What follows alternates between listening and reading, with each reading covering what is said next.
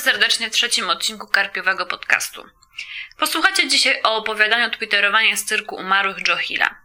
Chociaż wcześniej zapowiadałam, że często pojawiać się tu będzie tematyka zombie, a występują one w opowiadaniu, tym razem nie będzie o nich ani słowa. Tekst Hilla to literacka wersja tego, czym zajmuję się w mojej pracy magisterskiej i pod jej kątem spojrzałam na twitterowanie, więc w tym odcinku zombie zostawiam w spokoju. Może w ramach wstępu kilka słów o tym, o czym właściwie piszę tę magisterkę. Jakoś jeszcze w czasie studiów licencjackich na seminarium z filmu padłam na pomysł, by swój zaliczeniowy esej poświęcić found footage genre. Już wyjaśniam. Mianem found footage określa się filmy, które udają prawdziwy materiał wideo znaleziony po śmierci autorów. Z tą śmiercią to już powiedzmy różnie bywa, ale kwestia znalezienia tegoż materiału przyda nam się w dalszej części odcinka. Jak chcecie, to zajrzyjcie sobie na Wikipedię, ale w zasadzie wystarczy wam hasło Blair Witch Project, a przynajmniej wystarcza wszystkim tym, którzy pytają mnie o czym piszę. Okazało się, że ten mini esej to tylko kropla w morzu tego, co dałoby się o found footage powiedzieć. Filmów z tego gatunku obejrzałam całe multum. Na początku cieszyłam się, gdy znalazłam jakiś nowy, bo to oznaczało, że wcale nie muszę jeszcze siadać do właściwego pisania, a zamiast tego mogę poudawać, że pracuję i uważnie obejrzeć kolejne trzęsące się filmidło. Nie znalazłam żadnego porządnego naukowego opracowania na temat found footage, co oznacza, że zapewne kiepsko szukałam czego się wcale nie wypieram, bo tak naprawdę w głębi duszy nie chciałam znaleźć pracy, która ograniczałaby moją wolność snucia własnej teorii. W listopadzie byłam w Łodzi na konferencji poświęconej gotykowi. Tak w skrócie dla niewtajemniczonych. Gotyk to po angielsku taka ładna, naukowa nazwa na to, co my potocznie nazywamy grozą. I wcale nie chodzi tu tylko o powieść gotycką czy styl gotycki w sensie historycznym. Słuchałam tam odczytu profesor Izdebskiej o estetyce błędów i wtedy odkryłam, że jest jednak ktoś, kto ładnie nazwał i opisał to, co chciałam powiedzieć o obrazie found footage. Profesor Izdebska, opierając się na eseju Drozdowskiego, zwraca uwagę, jak przeróżne niedostatki i ograniczenia formy wpływają na wzmocnienie wrażenia autentyczności. Teraz z polskiego na nasze. To, że obraz w filmie found footage trzęsie się i skacze, sprawia, że wierzymy w prawdziwość ukazywanych przez niego wydarzeń. Oczywiście to duży skrót całego wywodu, gdzie to wszystko powiązane jest jeszcze z nowymi mediami, ale daję Wam wstępny obraz tego, czym w zasadzie jest ta idea. I teraz wreszcie do rzeczy. Izdebska zadała pytanie o, re o realizację estetyki błędu w formie literackiej i wtedy zaproponowałam właśnie twitterowanie z cyrku umarłych Joe Hilla. Jak się możecie domyśleć, nikt oprócz mnie tego opowiadania nie znał, więc nie był to niestety zaczątek zbyt burzliwej dyskusji. Dlaczego uważam, że twitterowanie z cyrku umarłych to literacka wersja filmu z gatunku found footage? Dlatego, że jego forma oparta jest na tym samym mechanizmie – Wpisy głównej bohaterki są odpowiednikiem materiału filmowego, który potem zostaje znaleziony przez czytelnika. Hill co prawda nie umieścił żadnej dodatkowej informacji na temat kontekstu, w jakim odnaleziono te wpisy, ale w zasadzie wszystkie niezbędne dane poznajemy na samym początku. Wiemy, że dziewczyna się nudzi i zabija czas intensywnym tweetowaniem. Zachowana jest nawet ta niemal niezbędna nienaturalność, tak charakterystyczna dla found footage. Dlaczego o niej mówię? To będzie pierwsza z wielu dygresji, ale skoro już zaczęłam o tym mówić, to zróbmy to porządnie. Found footage genre na stałe wpisana jest krytyka nowych mediów. Wiemy, że horror za pomocą fikcji pokazuje nam nasze lęki, a współczesny człowiek oprócz duchów i zombie boi się nowych technologii. Obejrzyjcie sobie choćby japoński puls, a także nowego społeczeństwa, w którym media relacjonują dosłownie wszystko. Ta dziennikarska żar żarłoczność widoczna jest już w Cannibal Holocaust 1980 roku, który jest bardzo dosłowną krytyką współczesnych ludzi mediów, ale też w bardziej znanym Blair Witch Project. Dużo ludzi śmieje się z nielogicznego zachowania bohaterów, ale po pierwsze wymaga tego konwencja i wydaje mi się, że powtarzanie w kółko, jakie to bez sensu, jest tym bardziej pozbawione sensu. A po drugie, Właśnie o tym mówi cały gatunek. W dzisiejszym świecie wszystko chcemy nagrać, ze wszystkiego chcemy zobaczyć szczegółową relację, a found footage to taka karykatura i pastisz tego niezdrowego popędu. W swojej magisterce podają taki bardzo wyrazisty przykład z Cloverfield.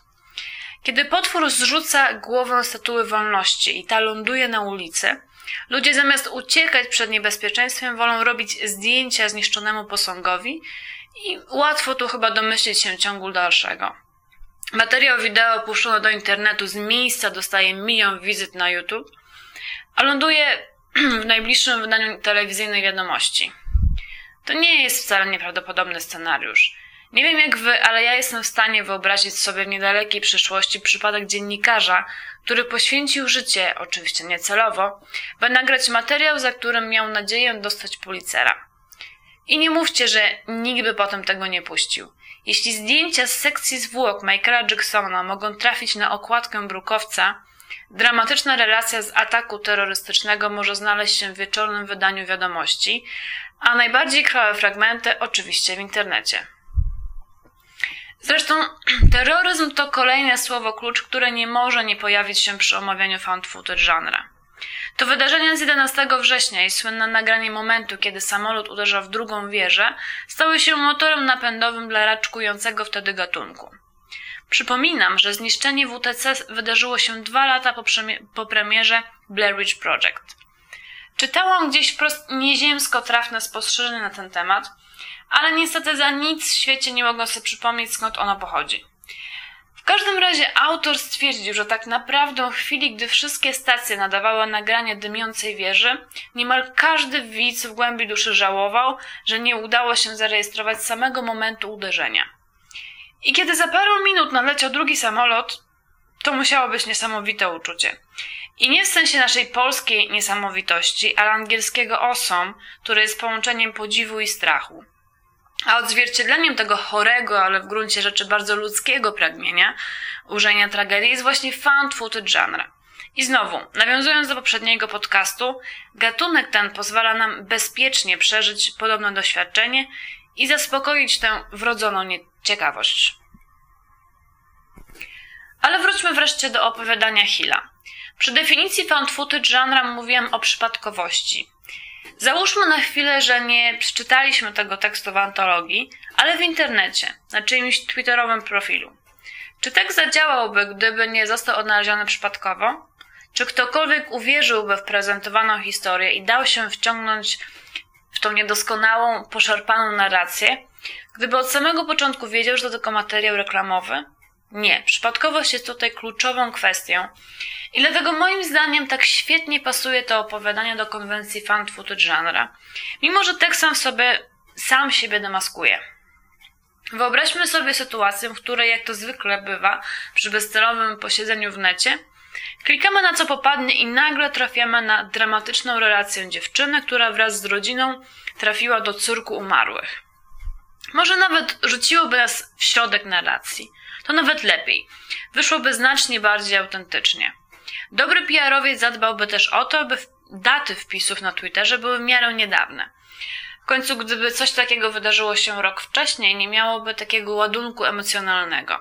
Poza tym zaczęlibyśmy się zastanawiać, czemu nikt z tym nic nie zrobił. Odpowiednie komentarze pod wpisami stanowiłyby też fantastyczny dodatek uwiarygadniający całą historię. Koniecznie kilka musiało być takich, które sugerowałyby fake. W końcu w imię estetyki błędów nie może być idealnie, bo przestałoby być wiarygodnie. Może szkoda, że Hill nie umieścił żadnych odpowiedzi na tweety. Znowu zrobię pewną dygresję. Tak jak tekst Hilla, Blair Witch Project też wydawał się jednorazowym produktem, którego czar pryskał, na końcu pojawiała się lista płac i nagle okazywało się, że obraz ma swoich reżyserów, scenarzystów, a bohaterowie byli tylko aktorami. Wydawałoby się, że próba nabrania publiczności po raz drugi jest z góry skazana na klęskę. Found footage powinno było szybko upaść, a jednak w tej konwencji ludzie nadal znajdują coś, co ich przeciąga – tak naprawdę, i tu Hill pewnie by się ze mną zgodził, wcale nie chodzi o to, by kogoś nabrać. Celem nie jest kłamstwo, ale wątpliwość. Wcześniej próbowałam naszkicować kilka analogii między rzeczywistością nowych mediów, a rzeczywistością znaną z filmu found footage i mam nadzieję, że choć przez chwilę poczuliście, że prawdziwe found footage wyświetlane w kinach to wcale nie jest taka zupełnie nieprawdopodobna prognoza. Czy nigdy w czasie seansu jakiegoś filmu z tego gatunku nie przyszło Wam do głowy, że może gdzieś już powstał taki obraz i tylko czeka na odkrycie? Hill w twitterowaniu poszedł w trochę inną stronę i nawet na poziomie fikcyjnej rzeczywistości utworu wiemy, że wydarzenia są nieprawdziwe. To tak jakby na końcu Blair Witch Project pojawił się z powrotem Joshua i powiedział, że was nabraliśmy. To inny poziom udawania. Hill udaje, że jego tekst jest reklamą, a my zaczynamy się zastanawiać, czy faktycznie jakiś PR-owiec mógłby nas tak chamsko nabrać. Zresztą takie wątpliwości są też w warstwie fabularnej utworu, gdy bohaterowie trafiają do cyrku, za wszelką cenę próbują wmówić sobie, że to, co się dzieje na scenie, to tylko takie udawanie. Nie uciekają, bo wierzą w konwencję, która mówi im, że w cyrku jest bezpiecznie, bo są zabezpieczenia, bo nikt nikogo nie zabija, bo to absurd, żeby istniało coś takiego. Nawet gdy jedna z występujących kobiet mówi wprost, jaka jest prawda, dalej pozostają wątpliwości. Bo przecież ci od Blair Witch Project też mówili, że ich film to prawda, a to przecież fałsz. Dziewczyna w jednym z tweetów pisze: W jego szyi nadal tkwi, tkwi toporek. Wygląda totalnie sztucznie. A czytelnik w tym momencie jest już przekonany, że to dzieje się naprawdę. To wszystko pokazuje, w jaki sposób współczesna kultura próbuje nas ciągle oszukać, a opowiadanie Hira nagle zdaje się posiadać i drugie, i trzecie dno.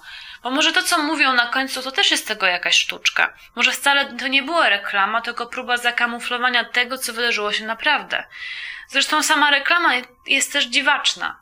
Hill robi kilka sugestii, puszcza kilka razy oko do czytelnika i podrzuca mu znowu kolejne wątpliwości. Inni obiecują show, my je dostarczamy. Brakuje tylko odniesienia do rzeczywistości i prawdziwości, które królują w tagline'ach filmu found footage. Wróćmy do opowiadania. Wydaje mi się, że tak jak found footage, tak i w tekście Hilla najbardziej pociągająca dla nas jest forma ekstremalnie subiektywnego punktu widzenia. Nawet najlepsza narracja pierwszoosobowa nie jest w stanie dać tego, co specyfika tej konwencji. Ja zresztą nie jestem miłośniczką pierwszo, pierwszoosobowej narracji, bo spora część pisarzy decyduje się na nią z zupełnie złych powodów. Ale taka wspaniale niedoskonała i wręcz miejscami przestylizowana narracja, wtłoczona w mocno ograniczone nawet nie ramy, tylko ramki tweetów, to jest to. W formie prawdziwego profilu umieszczonego w internecie byłoby jeszcze ciekawiej. Dałoby się skomentować poszczególne wpisy, więc mielibyśmy bezpośredni wpływ na ostateczny kształt utworu, a miejsca, w których bohaterka odsyła do innych użytkowników Twittera, mogłyby służyć za wątki poboczne. Wśród zwykłych wpisów na takich profilach mogłyby znaleźć się też takie, które w jakiś sposób komentowałyby wiadomości głównej bohaterki. Ekstremalny postmodernizm i ekstremalny found footage w interaktywnej wersji literackiej. W przypadku tak ograniczonego medium, jakim jest Twitter, ważna jest też rola niedopowiedzenia. Found footage żeruje na przekonaniu, że boimy się tego, czego do końca nie znamy. Dzięki takiej konwencji zmuszeni jesteśmy do dopowiadania sobie często wielu istotnych szczegółów. Nie bez powodu w Cloverfield bardzo długo nie widzimy potwora. Dzięki temu jest dużo bardziej straszny i nawet spotkałam się z opiniami, że gdy tytułowy monster pojawił się już na ekranie, był raczej rozczarowujący.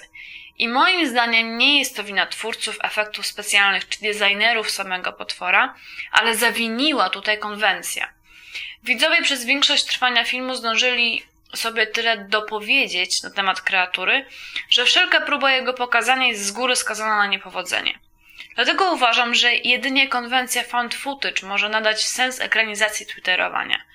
Nie wiem, co planują filmowcy, ale podejrzewam, że zamiana Twittera na ręczną kamerę jednak będzie dla nich zbyt kreatywnym pomysłem. A szkoda, bo w taki sposób dałoby się nawet zachować oryginalne zakończenie i po wyświetleniu ostatnich kadrów filmowego pamiętnika głównej bohaterki, na ekranie mógłby pojawić się gość w stylu kapitana Spauldinga z Domu Tysiąca Ciał, Robiego Zombie i wyjaśnić, że pokazany materiał wideo jest elementem promocji cyrku. I może tym ślicznym obrazkiem wreszcie skończymy. Nie jestem w stanie powiedzieć Wam już teraz, co będzie w następnym odcinku Karpiowego Podcastu, ale jeśli wyrobię się z lekturą, być może opowiem co nieco o punkcie wyjścia Dawida Kaina. Na razie książka zapowiada się obiecująco. Do usłyszenia.